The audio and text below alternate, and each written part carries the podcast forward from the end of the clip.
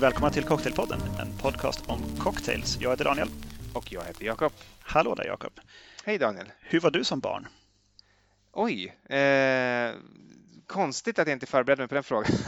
jag var nog ganska eh, jag var nog ett ganska milt barn, tror jag, eh, som inte gjorde så jättemycket väsen av mig, men som hade någon sorts passion för mat och dryck som jag har behållit upp i vuxen ålder. Och, och framför allt tyckte jag om att äta sånt som jag inte hade ätit tidigare. Liksom, ju konstigare, desto bättre. Eh, exotiska ingredienser och sådär. Men, men eh, det säger kanske inte så mycket om hur jag var som barn. Men, men det var no någonting i alla fall. Hur var det själv? Jag var väl ganska om mig och kring mig som barn. Pigg och utåt. Eh, man undrar ibland vad det blev av den pojken. Ja. men eh, det, det, är nog som man skulle ha beskrivit mig som. Eh, och kanske lite, lite väl eh, energisk i stundtals. Men, men så får det vara. Jag gillade också saker, att äta saker. Min, min, bror gillade inte att äta vissa saker och då var det som en, en, grej för mig att hävda mig att jag kunde äta saker som han inte åt eller saker som var lite udda. Just det. Så det, det tyckte jag var kul. Nej, men så där är man ju ofta, att man tar ju den identitet som man får på något sätt. Och jag har inte tänkt på att det är därför, men min syster är ju likadan som din bror. Då, att hon, hon har ju aldrig tyckt om att äta någonting som hon inte vet innan är gott. Och det var liksom två rätter som hon älskade som barn och det var förvisso sånt som jag också gillade. Det var köttfärssås och spaghetti och det var pizza eh, och det, det liksom var det som jag, som jag minns det i alla fall. Medan jag kunde verkligen gå i taket av glädje ifall farsan köpte hem en burk sköldpaddssoppa från någon saluhall. Eller sådär liksom. På den tiden och, när det fortfarande inte var superomoraliskt. ja, men jag, jag, tror, jag tror att det var det, var det även då. Så det var nog falsk sköldpaddssoppa. Jag, jag, minns bara att han gjorde det en gång och jag vart, det var så jävla svårt. Det var, det var fullständigt vidrigt men det var liksom ändå så himla härligt att få, få äta liksom den här mytomspunna viktorianska eh, rätt. Eh, drömde om grodlår och du vet allt sånt där konstigt. Hajfensoppa. Mm, ja, verkligen hajfensoppa. Det, vill, det vill jag verkligen äta. Eh, då, då visste jag inte hur omoraliskt det var. Jag, det skulle jag, jag kan säga tack och lov så åt jag aldrig någon hajfensoppa så jag, jag är obesudlad där. Jag, jag, har inte bidragit till att liksom döda några hajar på just det sättet i alla fall. Jag har säkert slängt plast i haven och, och, och, och kvävt min beskärda del av djurliv på det sättet. Men, eh, men åtminstone så har jag inte låtit eh, eh fiskare skära fenorna av hajarna för att sedan slänga tillbaka dem i vattnet. Det, det är jag glad över. Ja, det, det är fint av dig, Jakob. Mm. jag, jag, tänker bara att jag kan resonera kring det här gör mig liksom till en nästan o, orimligt fin människa. Rena, rena Kallentoft. Ja, verkligen. Eh, det här låter ju som eh, ett tämligen navelskådande eh, experiment, det vi ska göra idag. Barndomens smaker har jag kallat det i mitt huvud i alla fall. Mm, samma här. Ehm, men jag tänker att många av våra lyssnare hade sin barndom på 80 och början av 90-talet. Mm. Så det är inte bara vår egen navel vi skådar in i kan jag säga. Nej, det är sant. Men dessutom, jag tänker så här att vad är det här? Vad är det vi har gjort nu idag egentligen? Jag, jag kan bara eh, tala för mig själv då. Du kanske har haft en annan approach, men jag har ju liksom gjort ett antal nedslag i i sånt som jag minns från barndomen som jag tänker också kanske inte riktigt jag äter eller liksom smakar så mycket nu. Så att, att det ska vara lite specifikt. Lite i alla fall så. Lite specifikt för barndomen. Och, men framför allt då eh, att det här är liksom ett sätt att tänka kring hur man kan ta fram en konceptmeny. Det behöver inte vara barndomens smaker, det kan lika gärna vara vårens smaker e-, eller liksom höst e-, eller, eh, eller eh, när vi var på Mallorca eller vad som helst. Men liksom genom bara att kanske följa med lite grann hur vi har tänkt så kan man ju anpassa det här till liksom vilken navel som helst. Då. Det, det behöver ju verkligen inte vara våra liksom äckliga små ostiga eh, liksom, navlar som man... Eh, På vilket sätt är navel ostig? Jag ja, men om, man, om, om, om, man inte har tvättat den så. Då blir den väl luddig. Ja, skitsamma. Det här handlar inte specifikt om, om, om navlar. Um, jag, jag gjorde en liten genomgång bara allmänt över liksom saker som jag minns smakmässigt. Då. Uh, och i stora drag så är det framförallt godiset jag minns. Godis och typ mm. typ läsk som jag antar att de blev typ core memories för att godis och läsk fick man inte alltid. Eh, det var ändå någonting festligt eller stort. Eh, man kanske hade pantat några burkar eller någonting och fick gå och köpa karameller i den pyttelilla ICA-butiken som låg i kvarteret. Och det var ju stort, för det, det, minns man ju. Man minns ju den där gubben som stod där och jobbade. Mm. Eh, sen jag, jag minns att saker och ting hade väl klarare färger när, när, vi var små på 80-talet. Alltså, sen jag tror att många av de här färgerna förbjöds sen eh, för att de kanske inte var så superbra eller så har man åtminstone ändrat på dem eller tonat ner dem. Mm. Men saker som var liksom superfärgglatt, det var the shit. Det var liksom att det var färgglatt var själva grejen. Mer än att det skulle smaka mm. någonting. Så var det verkligen. Jag tänker inte minst med läsk var det så. Jag, jag har en, eh, en av mina drinkar är läskbaserad också, det, men, men inte färgbaserad just då. Men jag minns ju, alltså vad heter de, Flämt och typ Ja, poff och... Poff och Pust. Och, ja. ja. Jag minns dem framförallt för att i något fotoalbum så finns det ett, ett foto på ett barnkalas som jag hade med mina, mina vänner eh, där det var sådana läsk på bordet. Eh, jag hade nog inte minst dem annars, tror jag. För de, de hade ju inga smaker riktigt. Nej, för, det, för jag, jag, tänkte på det nu när du sa det, att jag minns inte alls hur de smakar, men jag minns väldigt väl de här äh, extremt bjärta färgerna som, eh, som, som, läsken hade och att det var ju färgen som var läsken på något sätt eh, med just dem. Men det är också, det, det är ju en tid när när Curacao fanns i fler färger än vad den finns idag. Mm. Det var gul, orange, grön, röd tror jag och blå förstås. Just det, självklart. Eh, som är ganska lika faktiskt de här läsken vi pratar om i, i färgerna. Ja, verkligen, helt sant. Som, som barn-curacao. Och, och, och, liksom curacao, så, som sagt, så är det också väldigt så här, generiska smaker. Alla smakar likadant. det, det, är verkligen bara färgen som är grejen. Ja. Eh, seriefigurer och maskots till allt. Mm. Alltså typ Hubba Bubba, det var några Hubba Bubba-figurer som slogs mot oftast pirater i serietidningsreklamer i Fantomen. Och de alltid, eh, alltså de här som de slogs mot, de gick ju alltid bet för att de hade ett underlägset tuggummi att blåsa bubblor med. Det slutade alltid i en sorts showdown där de skulle blåsa den största bubblan. Just. Och de här piraterna, bubblorna sprack så att de fick liksom facet fullt med tuggummi och på så sätt kunde fångas in. Nej, liksom... de, de, bara, de bara drog liksom. De Sen så åker alltid Hubba Bubba-killarna iväg i sin Hubba-mobil eller sin Hubba-kopter. Ja, du vet. För Men alltså, de hade taglinen var väl alltså Hubba Bubba med bubblor som inte fastnar? Ja, det, väl det som... så tror jag det var. Jättestora bubblor som inte fastnar. Och sånt där. Eh, men piraterna hade ju svärd. Alltså det är så jävla weird. Varför hade de svärd om de ändå bara tänker battla med bubblor? Ja, det är en bra fråga. Men bara hugga, hugga ihjäl de här Hubba Bubba-nissarna och ta deras tuggummi liksom, och så kan ju de rule the seven seas med det.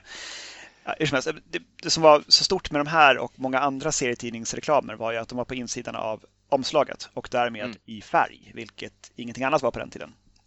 Mm, så, Ut, utom läsken då, som vi konstaterade. Exakt. Jo, precis. Men alltså serietidningar var ju svartvita. Ja, jag, jag, läste ju nästan uteslutande Kalanka och Kalanka var ju i färg. Ska jag säga. Det är sant, Kalanka var i färg. Men jag tänker på typ Fantomen, Agent X9, eh, det mm. gänget. Liksom. Där var det ju svart, svartvita sidor. Och sen eh, jag tappade intresse för Fantomen så fort han blev i färg sen för att han såg så enormt töntig ut i sin ljusblå stass. Men han kunde se ganska cool ut i svartvitt. Ja, Intressant. Skitsamma. um, vi kanske ska ta lite break där och ta någon, någon drink eller något för att liksom väta vår, våra strupar. Uh, ja. Så att det inte liksom bara blir en, en, en, en lista av saker jag minns. Jag kan, jag kan löva in de här vartefter sen. Ja, men det är bra. Jag, ska jag börja? Eh, Gör så. Jag har liksom ingen speciell ordning så, varken kronologisk eller, eller temamässigt, utan jag kommer bara ta dem i en, i en helt slumpmässig ordning. Och, eh, men det här, det här kanske är faktiskt ett av mina första smakminnen, så det här blir ändå någon sorts start. Och den här drinken kallar jag för kallt blod. Oj. Eh, och eh, av någon anledning som, som nu liksom är förborgad för mig glömt varför man gjorde det här. Men eh, så slickade man eller liksom kysste man, åtminstone gjorde jag det och, och även en del av mina vänner, lyktstolpar om vintrarna. det tror jag folk fortfarande gör faktiskt. Alltså folk, jag menar barn. Ja, eh, och, men jag tror att det är för att det ser så gott ut. Det ser ut som ja, men, typ socker. Och det är också, de, de, de gnistrar lite grann där liksom i, i, när de är som rimfrostiga.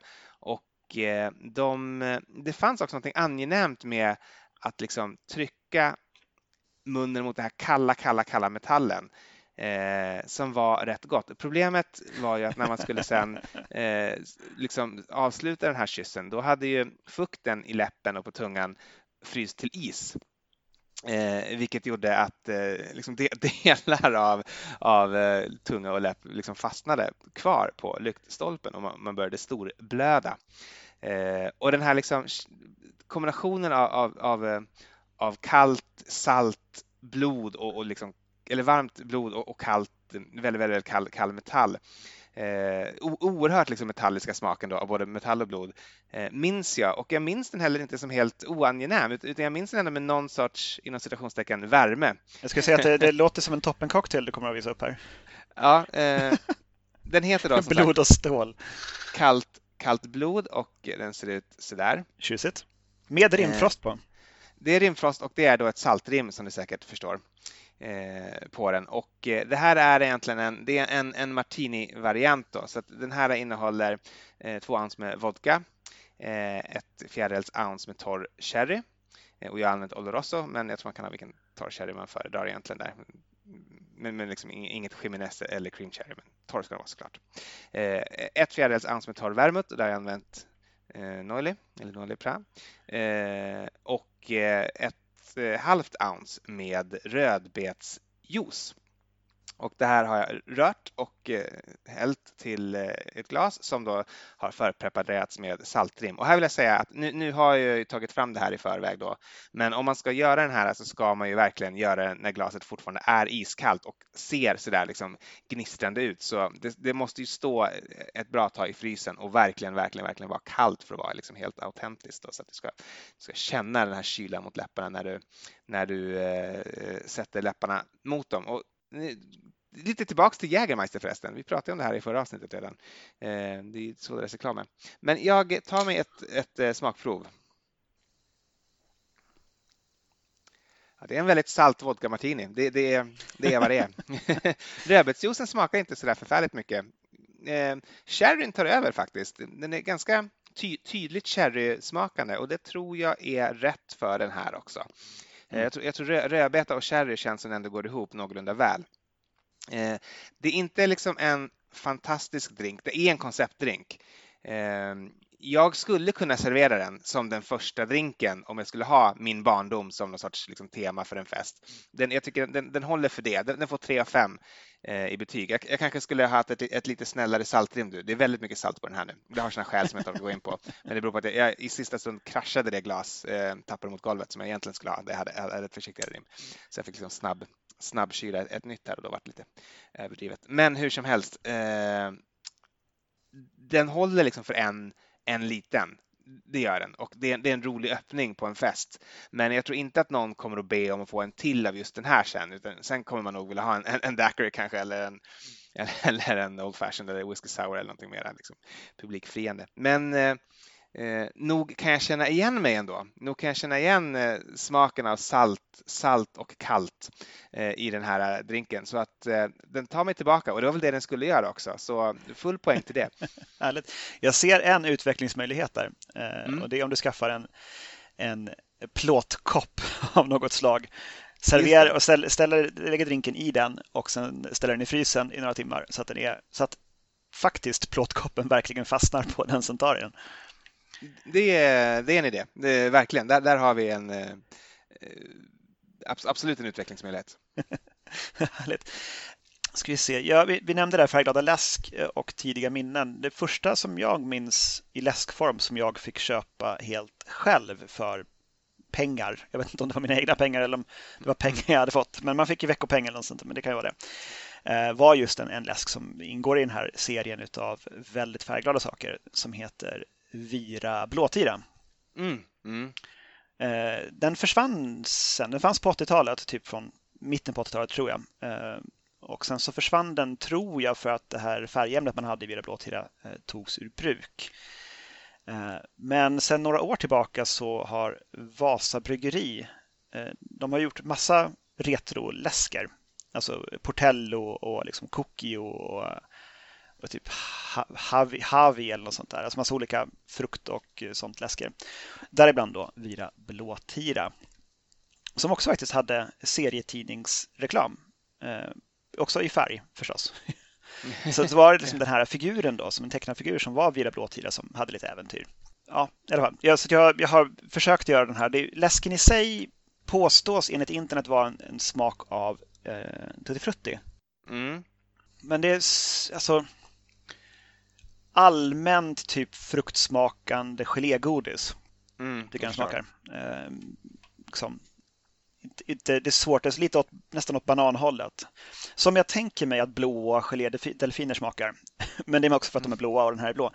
Så det lurar väl kanske hjärnan lite grann. Men i alla fall, alltså jag har gjort en, en, helt, en helt vanlig highball på den här. Det är en, eh, en sexa gin, eh, mellan en och två centiliter limejuice beroende på hur syrligt man vill ha det. Och eh, tre stänk orange bitters. Och det är Regan som vi har använt i det här fallet. Mm, bra Och sen så toppa med eh, vira blåtira, garnera med en apelsinskiva för att det blir fint. Läsken i sig är ju provocerande söt. Väldigt lite syra i den. Eh, den blir bättre med limejuice och, eh, och med gin. Den liksom torras ut lite, lite grann, men den är fortfarande en väldigt söt läsk. Eh, det här också, visst, ska man ha en, en, en konceptuell meny så kan man servera det här som en highball. Eh, speciellt om folk på festen får blanda den själva. Där tror jag att det är A och O att man eh, har en publik som minns Vira Blåtira på något sätt. Eh, I så fall tror jag att det, kan, det, det, då kan det verkligen bli en succé tror jag. Annars tror jag att det kommer att vara obegripligt för folk på något sätt. Men det, jag hittade sen också, jag minns att det, det fanns en till eh, läsk som hette nå, någonting persika. Jag har gått upp det. Det var hicka persika och det persikosmak. Men håll i nu, det finns en jävla lista på läsk som ingick i samma serie som jag inte minns, men som du kanske minns någon av dem. Eh, Halla Baloo med hallonsmak. Nej. Kiviga Kruse. Eh, kiwi och, eller kiwi och krusbärssmak. Kiv, kiviga kruse får det bli Och krusbärssmak. Eh, Halka Banalka med banansmak. Alla de här var ju antagligen figurer då, som gjorde sypsaker. Eh, Rimligen. Eh, Vira Blåtira antar jag fick stryk hemma. Det, det, det, måste ju vara någonting sånt. Eller så är det någon som själv alltså, spöar sina kompisar. Nej, men jag tror att hon har ju, hon, har, hon är ju blå. Hon har blåtira själv, ah, okej. Okay. Ja. Så hon är blåslagen liksom? Precis, jag har flaskan här. Kan jag se om det är svårt att se på den där bilden om hon har blå till eller inte. Hon är blå, helt blå i ansiktet, så nu är det blåslagen helt enkelt. Mm. Eh, banalka tänker jag, halka banalka, att halka på bananskal förstås. Så det, det. det är väl det. Melina S. Portina med melonsmak. Sola Mangola med mangosmak. Alltså det är egentligen ganska framåt smak här ändå för att vara så 80-tal.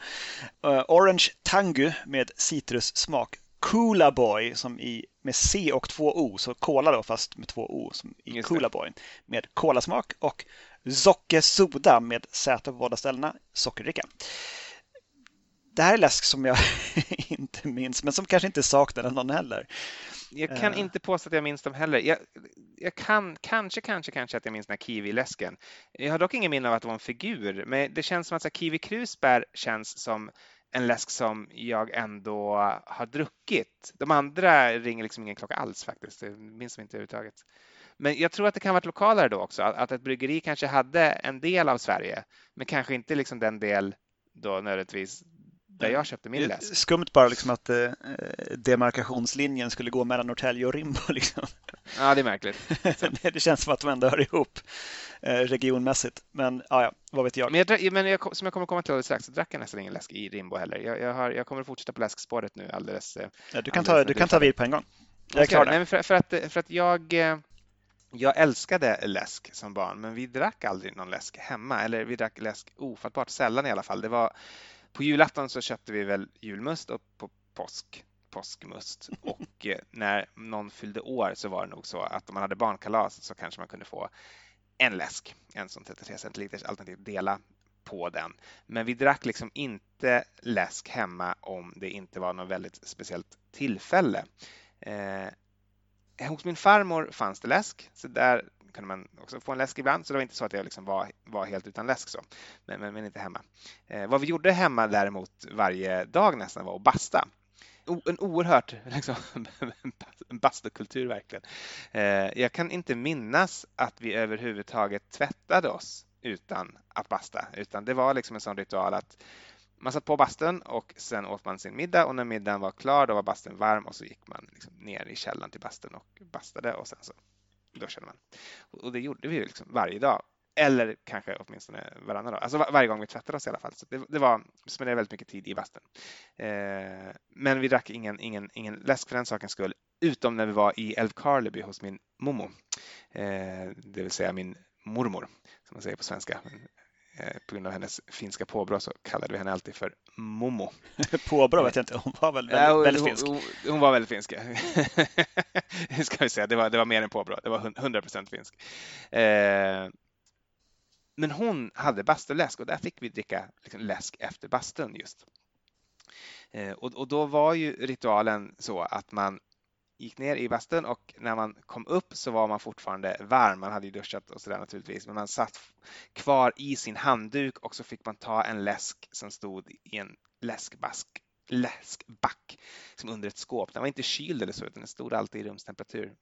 Eh, och så fick man liksom dricka den medan man svalnade av efter, efter bastun. Och det här var ju liksom något av något av min barndoms absolut finaste minnen när man, när man satt där och, och det var just hos mormor som jag kom i kontakt med Vira, Blåtira eh, och, och Flämt och, och, Puff och de där klassikerna. Men, men den läsk som jag tyckte allra, allra mest om det var Grappo som är en, eh, en eh, grapefruktläsk, även om jag drack vad som helst med väldigt goda pizzor så var det liksom så att jag skannade alltid den här backen efter att se om det fanns någon grappo i den och oftast fanns det det. Eh, så jag har försökt att liksom skapa då en sorts vuxen grappo bastuläsk nu då och den är naturligtvis baserad på grappo.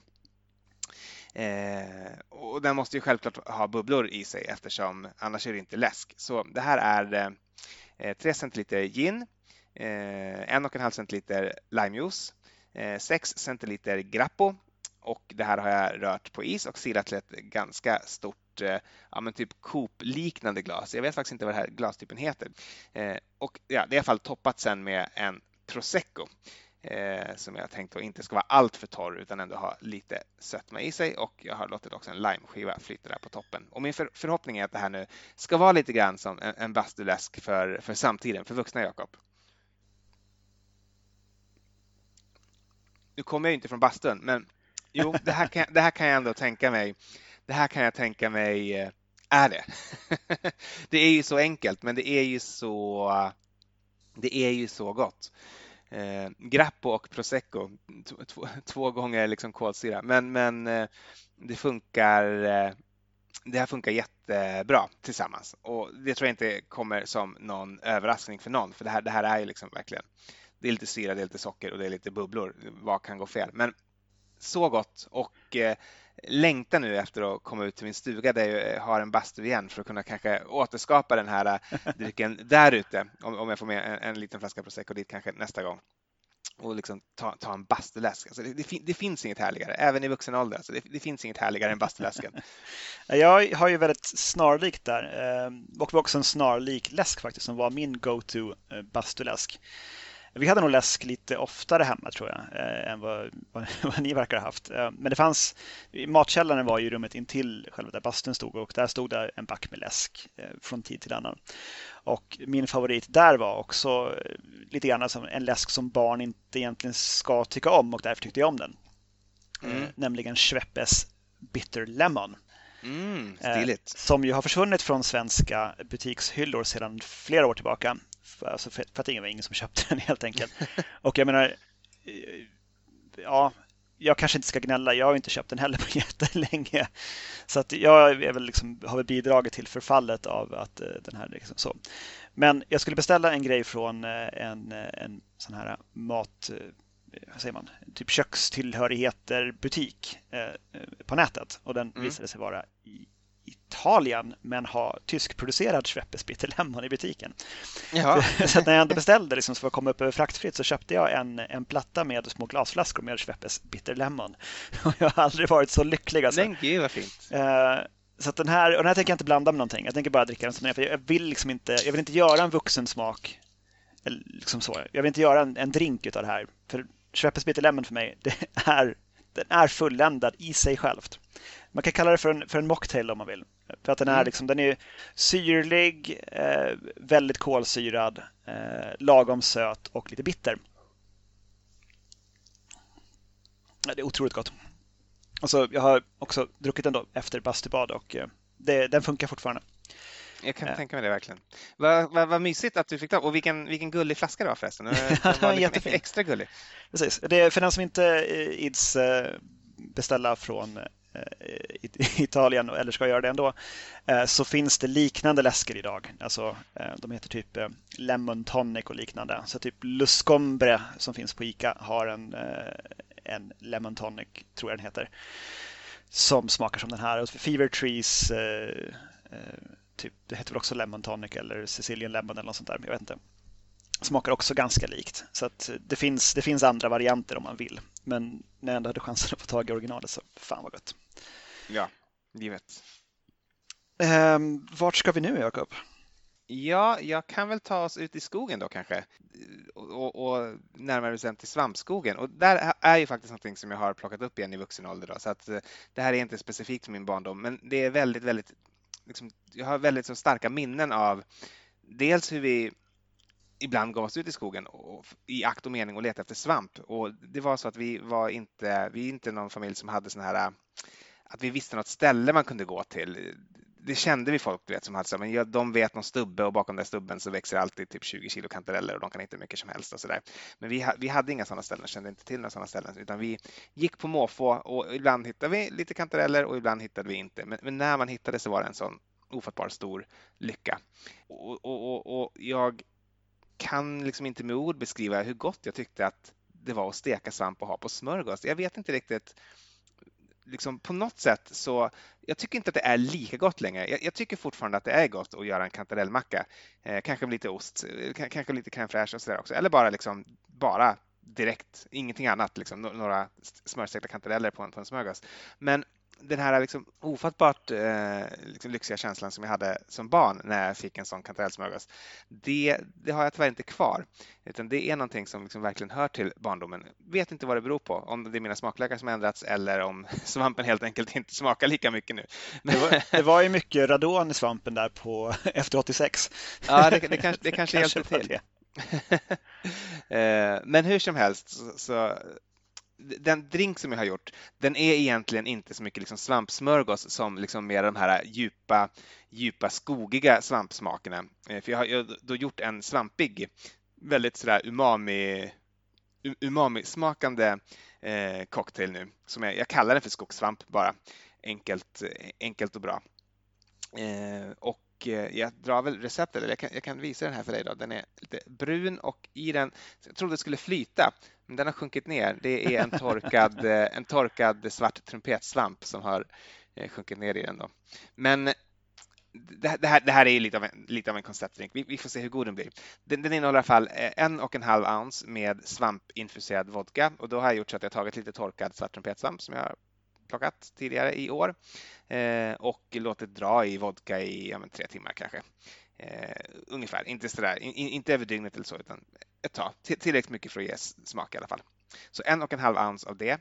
Eh, tre fjärdedels ounce med sake, eh, som i min erfarenhet ofta kan liksom påminna om sådär skog och svamp.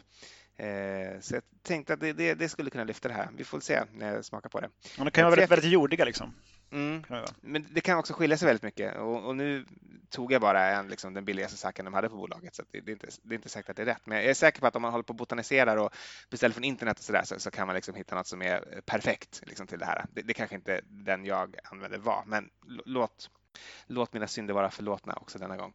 Eh, tre fjärdedels ounce med torr vermouth och sen har jag också haft i en droppe tryffelolja faktiskt Eh, för doftens skull och den flyter här ovanpå som en liten pärla allt jämt. Eh, det här är rört och eh, som sagt silat till ett eh, Nikenora-glas och sen så har jag då som jag nämnde där garnerat med en torkad eh, svart trumpetsvamp. Men den, ja, man får göra som man vill med den. Jag hade tänkt att den skulle flyta ovanpå och att man då skulle kunna liksom känna doften av den. Eh, den sjönk ganska omgående så att det kan, det, man, kan, man kan nog skippa den faktiskt. Eh, om, om, man inte hemskt gärna vill ha en liten svamp flytandes liksom, i glaset. Ja, doften är ofattbart svampig. Det, det, doft, det doftar verkligen, det doftar av svamp kan jag säga.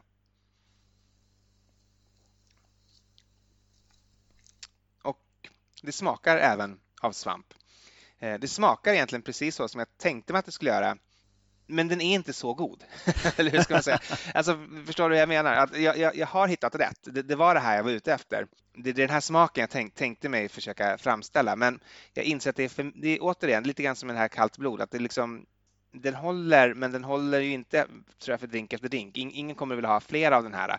Däremot så skulle jag kunna tänka mig att det här skulle man absolut kunna ha till, alltså tänk, tänk att du har kanske en tredjedels drink i storlek ungefär eh, och har den här eh, till någon sorts eh, svampsmörgås eller någonting om, om du bjuder på det som, som, eh, som verkligen en del av rätten. Eh, eller, eller kanske till och med att du liksom värmer den och inte vet jag, har en sån sorts konsumé typ. Eh, för att, det, för det kan ha gått lite för långt där. Ja, det, det, det, det är mycket smak, det är mycket smak, på, smak och det är mycket svamp och eh, och, och saken tror jag var helt rätt ändå. Det, det, den, den gifter sig väldigt väl med detta. Men den är för intensiv för att man ska kunna njuta av den liksom, i en hel fullstor drink tror jag. Eh, den har absolut sin plats i världen, det, det, tror jag, men det gäller att hitta den och eh, den är inte den är inte så att man dricker liksom, ja men det är inte drink efter drink, drink utan det här är som en liten, en liten liksom karamell som måste avnjutas vid exakt rätt tillfälle och då tror jag verkligen att den kan funka. Men jag tänker mig till mat faktiskt. Det här, det här ska vara till svampsmörgåsen. Den, den, den, den, den håller inte att dricka i sig själv, men jag tror att den kan lyfta en, eh, en förrätt eh, och liksom kännas konceptuellt rätt och lite upplivande. All right. Uh, ja, jag vet inte. Det är någonting med svamp i drink som, som inte riktigt... Det lägger sig inte rätt i hjärnan på mig. Uh, men uh, jag, skulle, jag skulle gärna provsmaka även om jag inte skulle, sagt, jag skulle nog inte vilja ha en, en full stor sådan. Ja, jag tänker att vi stannar kvar i skogen om det är okej okay med dig. Absolut. Alltså lite grann sådär svampplockning kanske, man bara ut och vandrar, skogsmull eller någonting och man har med sig eh, lite fika eh, och eh, i fikat så har man kanske fått med sig någonting som var väldigt vanligt av egentligen ganska outgrundliga anledningar som, som godis. Man kunde köpa, liksom, man kunde köpa enskilda godisar över disk liksom, på kiosker och sånt och då mm. var, jag om du kan se det i kameran, men om du kan se vad det här är som jag håller upp. Nötkräm va? Just det, små plastförpackningar med nötkräm som, man liksom, ja, som fanns överallt, finns fortfarande faktiskt. De fyller 60 år idag står det på förpackningen här. 1961 satte de igång med nötkräm. Och det här liksom då eh, river man av ett hörn och sen så suger man i sig den här nötkrämen då som liksom är någon slags lite, lite knastrigare Nutella-grej som är ganska ljus. Hasselnötssmakande. Eh, så det kan man ha med sig ut i skogen och eh, njuta av som ett litet snack eller man kan bara liksom dra i sig dem direkt eh, fem meter bort från kiosken där man köpte dem. så man får den här sköna sockerhögen. Men för att göra det här då till en, en lite värdigare och vuxnare smak så har jag förbättrat kan man säga. Så det här är inte en vanlig nötkräm som du ser framför dig. Nej, är det inte Utan, det? här, för att göra sex stycken sådana här då som jag har så tar man man, ja, man tömmer ur sex stycken nötkrämpåsar eh, varav innehållet är tre man tar till receptet. Och sen så tillsätter man, jag lägger upp receptet sen, men man tillsätter bourbon och frangelico, eh, mm. hasselnötslikören till det här och sen så vispar man det där tills det har löst ordentligt. Och sen så värmer man det väldigt försiktigt med en tillsats av två teskedar maizena som utrört i en centiliter vatten. Och sen så tills det liksom precis börjar bli lite krämigt och tjocknar igen. Eh, och eh, sen så eh, tvättar man ur de tomma nötkrämpåsarna så att man får en, en ren yta uppe vid där skarven var. Man får ju klippa dem liksom först. Mm. Istället för att riva upp dem så får man klippa dem försiktigt längs med den här inbrända skarven i plasten. Just det. Och sen så sköljer man ur dem och sen så tar man och petar tillbaka den här krämen i de här förpackningarna, då, sex stycken av dem. Eh, räcker det till ungefär? Med en eh, spritspåse förslagsvis. Och sen så tar man fram sin dammiga vakuumpackmaskin som man har i något skåp och sen så eh, lägger man den här änden då på den här värmeförslutningsranden. Och sen så kör man bara förslutning och inte vakuumpack. För att man behöver inte nödvändigtvis tycka att det är kul att fylla upp sin vakuumpackmaskin med nätkräm. Och jag tror inte att det spelar någon roll för hållbarheten heller. För jag tror att de här de här är oförstörbara i sitt ursprungliga skick. och tillsätter du eh, bourbon och frangelico till dem så blir de inte mindre oförstörbara. Så att eh, här har vi då en, en nötkrämpåse med bourbon och frangelico i. Få upp ett hål där. Och sen så, den blir som, konsistensen blir lite annorlunda än originalet. Den blir inte den här sockerknastriga som jag i och för sig aldrig riktigt har gillat med nötkräm, att den är så knastrig. Eh, den här blir mer liksom len, krämig historia. Men alltså genialt. Jag är full av beundran inför detta, måste jag säga. Vilken... Eh, eh Otroligt gott. Ja, det kan, det kan, jag, kan jag förstå. Och också vilket nit. Eh, och eh, ja, alltså bravo. Jag klappar händerna här på andra sidan skärmen. Jag kallar den för en nötkrämskaffa i och med att den kommer att serveras liksom, fickvarm eller rumstempererad. Men herregud vad gott det är. Man känner liksom man känner ju spriten precis lagom mycket för att man ska förstå att det här, det här är inte för barn. Mm. Um, jag tycker att jag har gjort en bättre nötkräm än originalet. Ja, men det tror jag på. Det tror jag på. Fantastiskt. Hör ni det där ute? Spring och köp. Det finns i lösgodishyllan numera. Eh, nötkräm. Ja, just det. Man tar dem just det, på lösvikt. Ja. ja, så är det. Så där finns de. Och eh, nu har jag, nu har jag ändå fem stycken kvar att njuta av i tillfälle här. Gud vad fint. Men uh, gud vad gott. Det låter så jäkla gott alltså. Ja, det där är den som jag är mest nöjd med. Alltså, över, över, överlag så i och med att det är konceptuella grejer så är det lite hit and miss eh, i, i, på min bricka här. Mm, jo, min också som du redan har, eh, som du redan har fått se. Men jag kanske kan hugga en till där som, är, som har att göra med eh, just det att man köpte godis liksom över disk på ett annat sätt än man gör idag. Mm. För det fanns kanske en 10-12 sorters godis som man, liksom, man pekar, jag vill ha två av den och en av den och sådär. Banana Skids, Refresher. Just det. Yeah. ska, jag, ska jag ta båda drinkarna jag har på Banana Skids och Refresher? När du ändå nämner dem. Kan jag riva av dem på en gång? Ja, yeah, sure. Um, jag börjar med Refresher då. Refresher ser förpackningen ser inte ut, inte ens godiset ser inte ens ut som den gjorde då, numera. I alla fall inte de jag hittade. De säljs nu liksom i en godispåse med eh, massa sådana här små i. Eh, som är liksom plattare och också själva godiset är gulare än vad det var på 80-talet. Okay. De var ju kritvita, liksom, fyrkantiga ja. saker. Men sen så var det invikt ett citronigt pulver i den här citronkolan. Just det. Eh, som man liksom kunde, och var de gamla så kunde man liksom bryta av dem på mitten och så kunde man liksom på något vis knacka ur det här citrongodiset. Det var de alltid på Hagens Livs där jag köpte mina. ja, men någon gång ibland kunde man få tag i en, en, en färsk nyproducerad refresher och det var en, helt, en helt annat godis. Då kunde man vrida upp det till en, en lång, lång spiral och äta den som spaghetti istället. Men det är en helt annan historia. Eh, hur som helst, för att göra en drink på det här. Eh, jag tycker det är som någon form av lemon pie martini grej, lemon martini, 90-talistiskt eh, citron martini grej ligger väldigt nära till hands.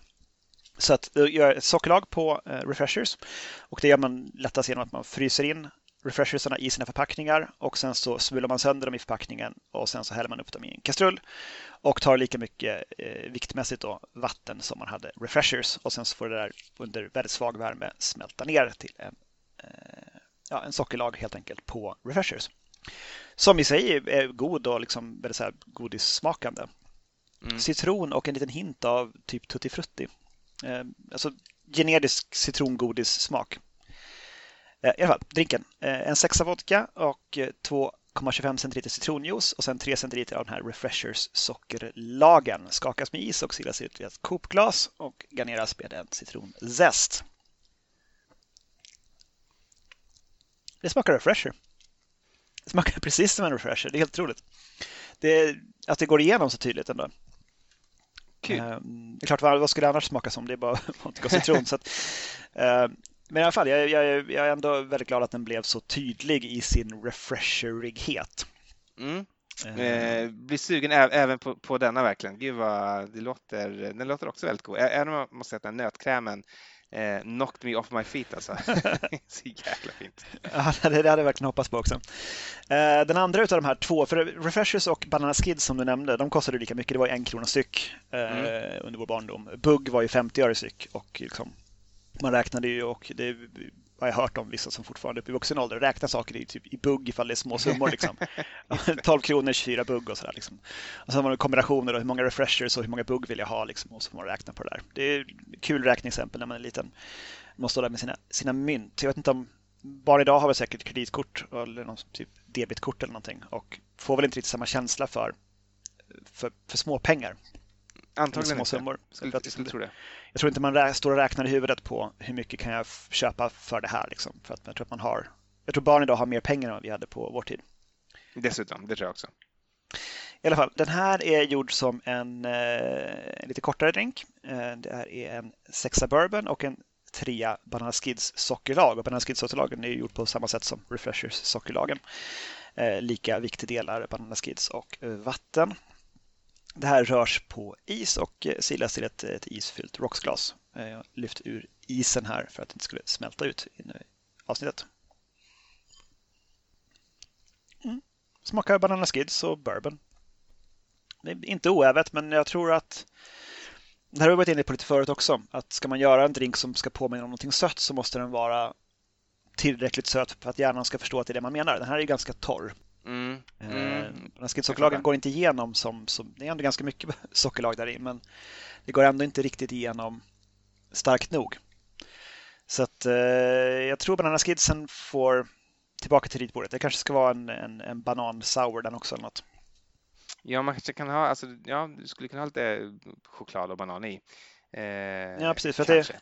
Det var ju två smaker på Banana Skids. Den bruna delen var ju söt, bananig, kanske kolasmakande och den Mm. gula var ju syrlig. Så att det var ju olika kvalitet på olika Banana Skids. Alltså de var ju värda olika mycket för den. Alltså en, en med bara gult på, eller nästan bara gult, var ju en väsentligt mycket bättre Banana Skid i mitt tycke än de som det var mycket brunt på. Just det, för de var inte alltid lika nej, utan de var verkligen, det var slumpmässigt hur den här fördelningen mellan brunt och gult var.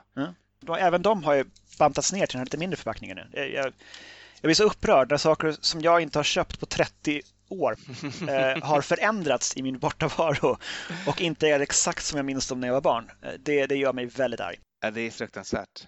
Så att, eh, men de är goda fortfarande, det är de. Det får man säga.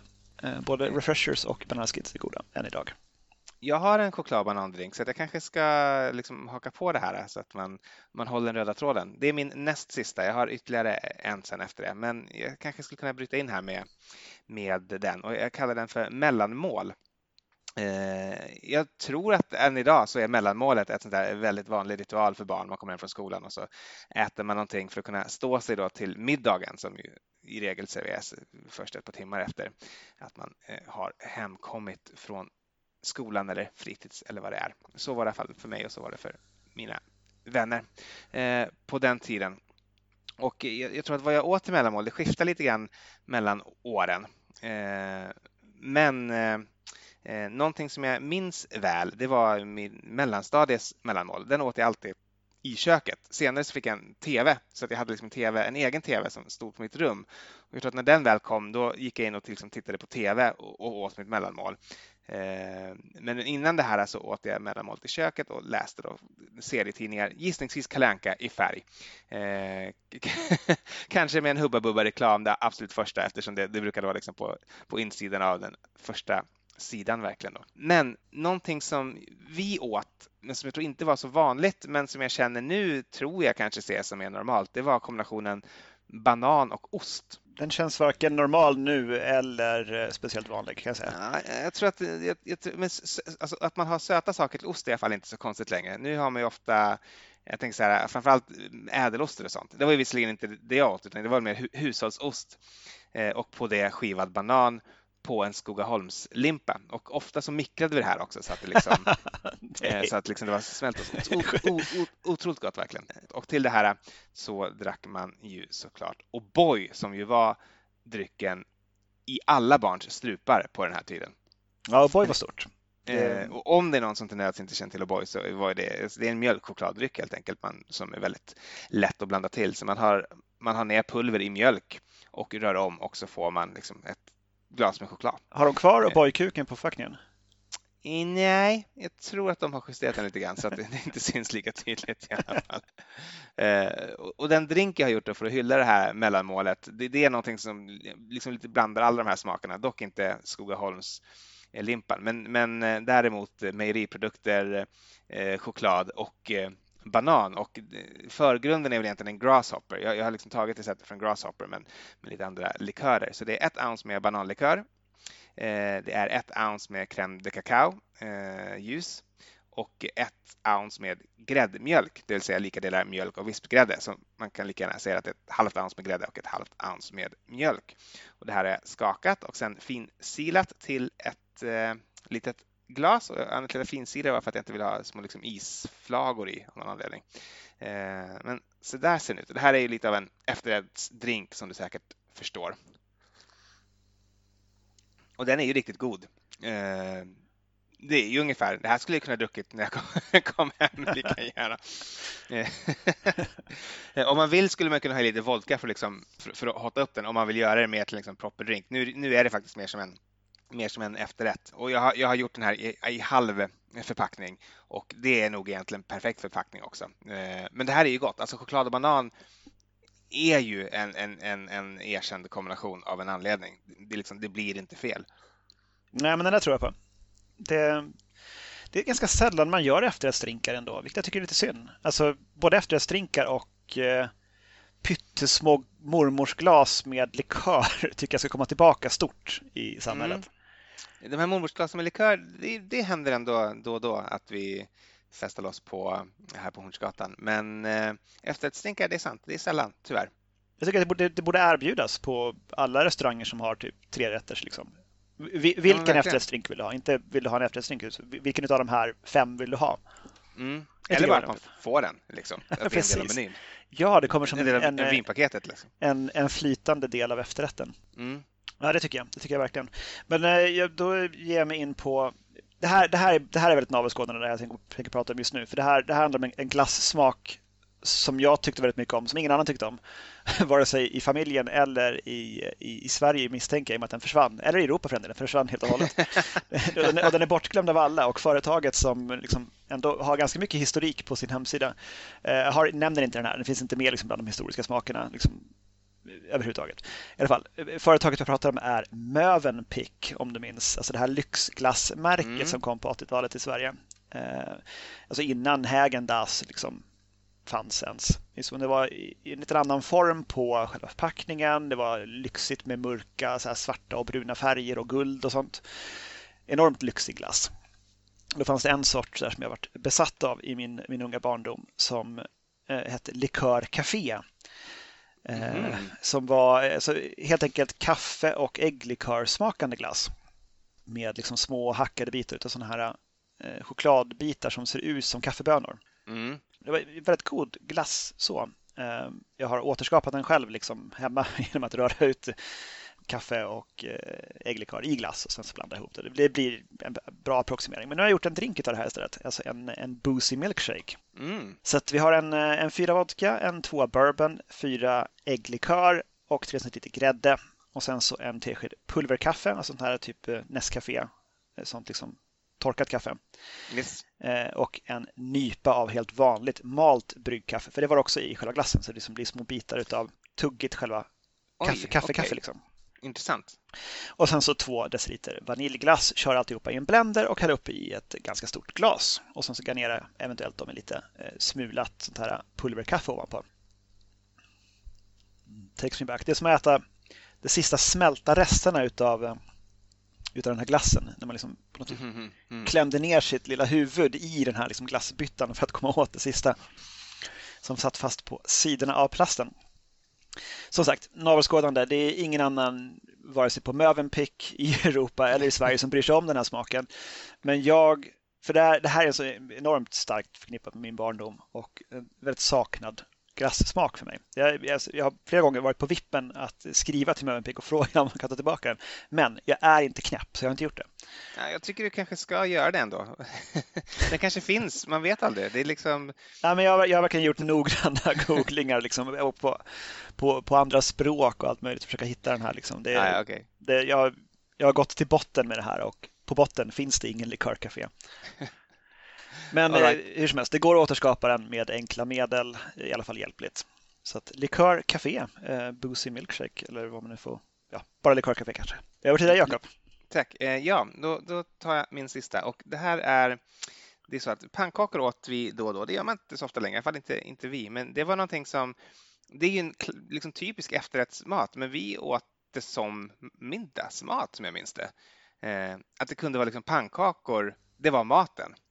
Eh, jag vet inte hur, hur ni hade där. Eh, Ja, det har nog förekommit, men annars så liksom ärtsoppa pannkakor, kombon var inte ovanlig. Mm.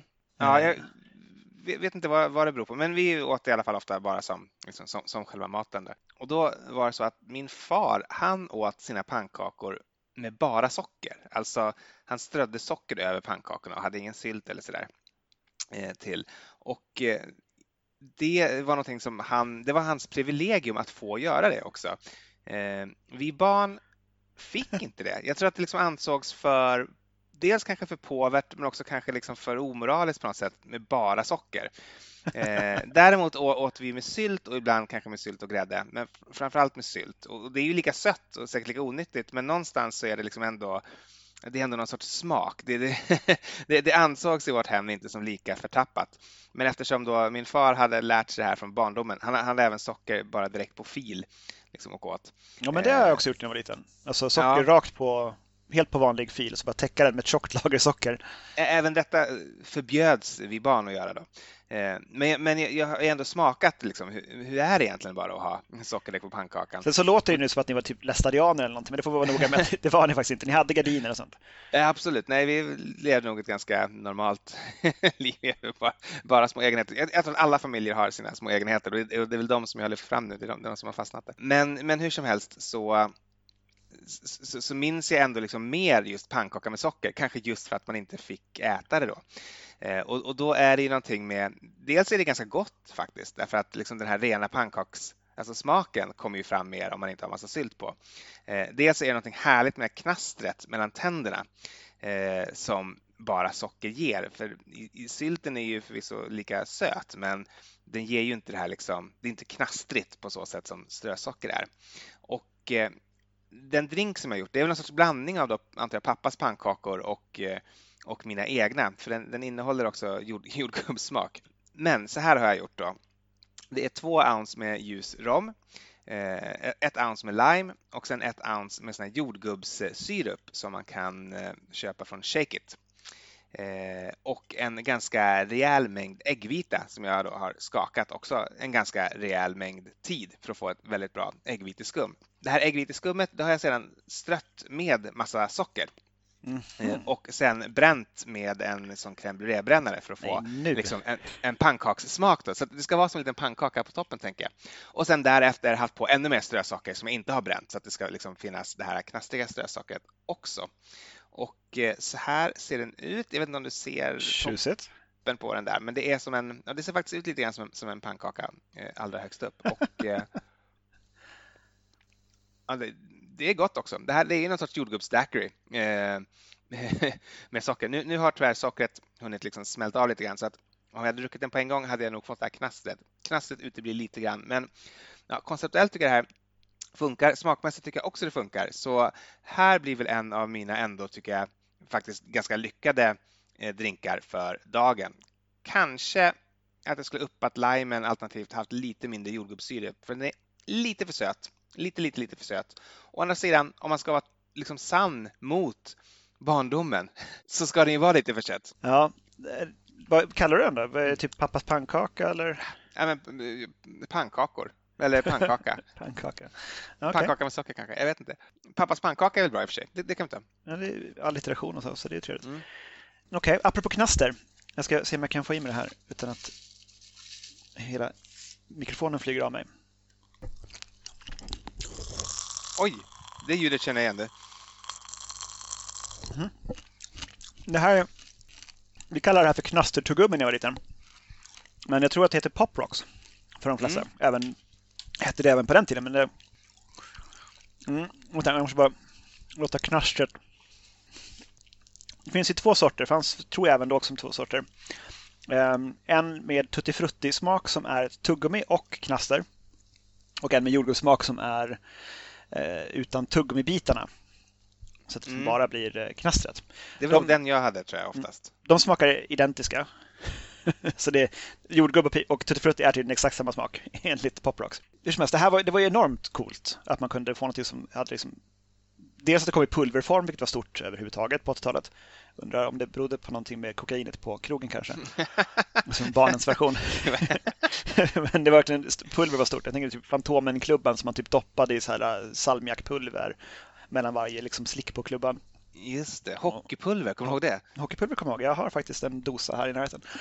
Eh, som har med den, min, min allra sista drink för dagen i närheten. Men i alla fall, Pop Rocks, det var både pulver och det var en sensation i munnen. Um, kommer sig tydligen av att man under tryck när man skapar de här liksom små eh, godisbitarna eh, så under tryck så för man in koldioxid i själva kristallerna av sock sockerkristallerna av godiset. Mm. Så det blir som inlåst under hög, högt tryck. Och när då liksom saliven möter skalet så löser den liksom upp och försvagar skalet kring mm. den här lilla bubblan av koldioxid och då sprängs den ut. Okay. Um, jag försökte jag tänkte jag skulle göra ett, ett Pop Rocks rim till min, min drink, eh, till glaset. Eh, så jag försökte mortla de här, liksom, men då, då sprängs de ju också. Så yeah. jag försöker mortla dem så hoppar de i all världens väg. Och de fastnar sen inte på glaset, så det vart ingen, det vart ingen rim. Det här är ju också den enskilt sämsta alster jag har idag. Så att, um, här. Jag kallar den för Pop on the Rocks. Mm. För att Pop Rocks. Ja, ja. Namngamet är inte så starkt här. Men i alla fall, det är en femma ljus eh, kubansk rom. Det är Havanna Club treårig. Eh, en etta lagrad amerikansk rom. Då är det Appleton Estate, eh, deras eh, 12-åriga. Och sen så är det två centiliter av Pop Rocks sirap poprock-sirap det är lika delar poprocks och vatten eh, som man helt enkelt rör eller skakar tills de har sprängts och liksom blivit en sirap istället.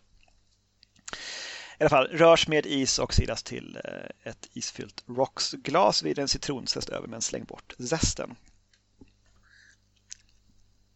Smakar som en dålig rum old fashion. Jag skulle föreslå så här, vill man ha pop rocks liksom för att det är kul, gör en bra rum old fashion istället och servera pop rocks i intill. Liksom, att var och en får liksom en liten påse poprock så kan man liksom blanda själv i munnen eller något. Det kan vara ja. kul. Um, jag tror inte på poprock som en, en, en drinkingrediens. Själva smaken i sig är inte något särskilt. Alltså det är bara som generisk godissmak och det är ju själva poppandet som är grejen och om man inte kan få fast det på glaset så att det blir som kul i munnen när man dricker den, då faller hela grejen. Eh, ja, men precis. Tänk, tänk det, för det är ju samma sak om du ska ett rim där, alltså då måste du på något sätt ha en sorts vätska och det kommer ju lösa upp, alltså även om... Ja, jag tänkte att det skulle liksom, att om det bara var lite, lite vätska så skulle liksom ändå kunna, de flesta skulle kunna klara sig och ja, okay. hänga kvar. Det var mm. min, min, förhoppning, men de, de, de ville bara liksom inte fästa sig. Det är väl någonting med ytan kanske på, jag vet inte. Hur som helst, sämst idag, det var den. Eh, sen kan man ju också som barn må ganska sämst ibland också. Och det är ändå ganska vanligt när man är liten är att man är sjuk. Mm. Det är en st stor del av barn, barndomens upplevelse att man liksom går igenom olika förkylningar och allt möjligt sånt där, att man ligger till sängs. Ja, egentligen, förutom liksom, jag har glömt bort allt det dåliga med att vara sjuk när jag var liten, för att det gör man ju.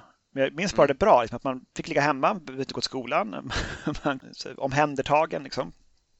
Och man liksom fick, fick ligga kvar i sängen och typ läsa Kalanka, Fantomen, Agent X9, vad som helst. Och sen så fick man också äta någonting som nästan var godis eh, nämligen halstabletter av olika slag. Just det. För det var ju, det var, de, de var ju typ godis. Mm.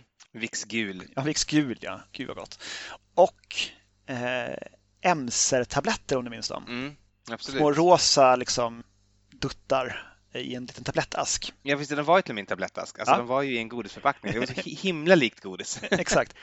Men eh, det här Emser då, det, det, är tydligen det är ett gammalt läkemedel alltså en, som är, det är taget ur bruk sedan 40-talet. Men eh, det var liksom ett, ett slemlösande salt som man tog fram då för att efterlikna ett, ett, ett vatten från en kurort i Tyskland kurorten Ems i Hessen-Nassau ifall du vill åka dit någon gång. Som liksom då innehåller eh, natriumkarbonat och koksalt.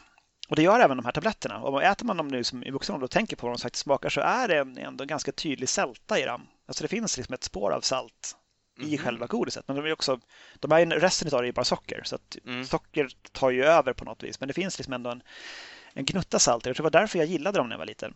Mm, säkert. Eh, det är liksom tricket till allting. Det är, alla de godaste chokladkakorna var ju liksom salta och Daim älskade man ju, men det, Daim är ju supersalt märker man som vuxen. Liksom. ja, det är sant, det är fortfarande gott. Så, så att ja, man fick äta godis helt enkelt när man var sjuk, fast man kanske inte fick det i vanliga fall. Och eh, då har jag gjort eh, helt enkelt en, en, en fizz på, på Emser. Så gör liksom, återigen ett, ett Emser-sockerlag eh, utan, utan uppvärmning den här gången bara för att behålla liksom den här flyktiga lilla eh, aromen som finns i de här tabletterna.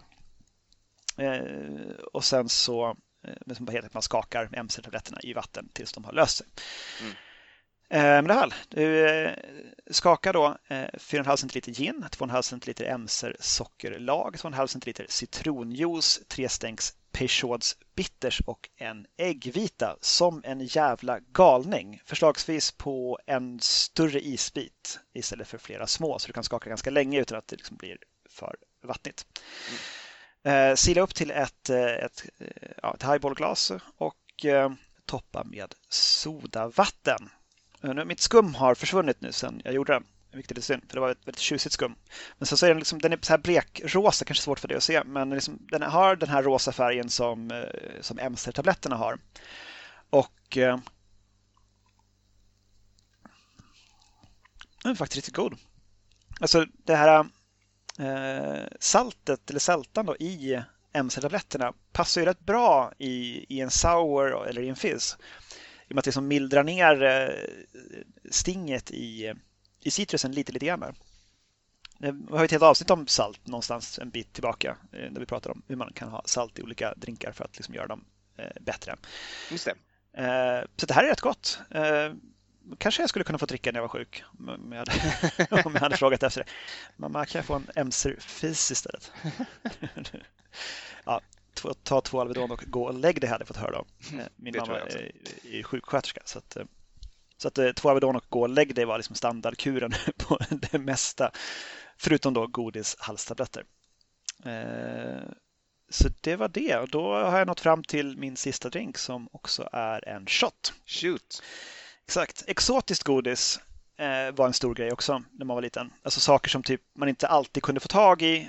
Som liksom bor man på östkusten så är liksom Finlandsfärja en stor grej. För det finns godis där som man inte kan få tag i någon annanstans. Mm. Men någon gång åkte över till Norge så kunde man få typ choklad med luftbubblor i.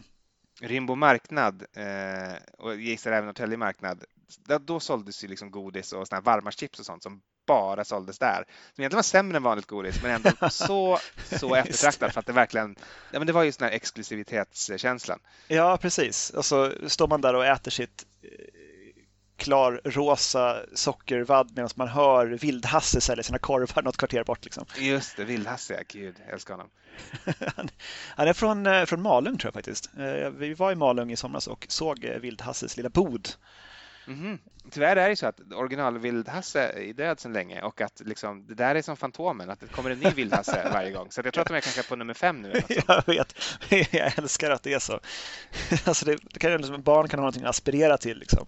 Att en dag ska jag också bli Vildhasse. jag tycker det är fint. Och sen så nämnde du tidigare eh, hockeypulver. Eh, som liksom, det var inte svårt att få tag i, men det var också pulvergodis, vilket var spännande för att det var pulver. Mm. Och att det kom liksom i en liten plastask som såg ut som en puck. Så, och sen, eh, kommer du ihåg pingvinlakrits? Jag har en burk pingvinlakrits i eh, skafferiet kan jag säga just nu. ja, det är bra. För att det var en sån typisk åka Finlandsfärja grej, för den fanns ju bara där. Eller typ på mm. flygplatsen möjligtvis, men vi flög inte så mycket när vi var liten och det som när man fick tag i dem och sen så drog man ju igenom en sån här burk på vad det nu kan vara, 300 gram eller något, på typ några dagar bara. Så typ tuggade käkarna ur led på de här. Mm. De, är väldigt, de är väldigt hårda, eller liksom så här, väldigt, väldigt sega. Hårda. Mm. De räcker ganska länge. Och så att man, var man dum nog att sätta in två i munnen samtidigt så fick man ju ofelaktigt en fast i överkäken och en i underkäken. Ja. Så kunde man liksom inte tugga ihop ordentligt. Ja, skitsamma. Det var, var och är en fantastisk lakrits. Eh, den är säkert lite lättare att få tag i. Jag beställer min över nätet så det går ju att köpa så också nu Eh, men i alla fall, här har jag gjort en, en shot. Eh, det är eh, en, 2 centiliter vodka, en barsked absint, två centiliter pingvinlakritssirap. Eh, kylt, blandat och serverat i ett shotsglas med ett hockeypulver-rim. Oj! Så ser den ut. Ja, skål då. Skål!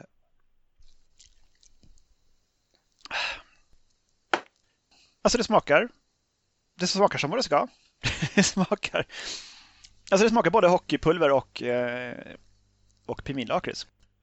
Men i alla fall, hockeypingvin kallar jag den. Det, det är min, min shot. Snart på ett stadshotell nära dig. Vad fint, vilken utmärkt avslutning och eh, kul avsnitt tycker jag. Det har verkligen, det har i alla fall varit roligt att liksom eh, traskat längs de här minnenas allé och, och liksom återuppleva dem i drinkform eh, på, på det här sättet. Och eh, jag uppmanar alla att göra någonting liknande där hemma och det behöver inte vara just er barndom. Ni kan väl lika gärna återbesöka en plats eller, eller eh, en, en, annan tid än barndomen, eller för den delen barndomen om det är det ni vill.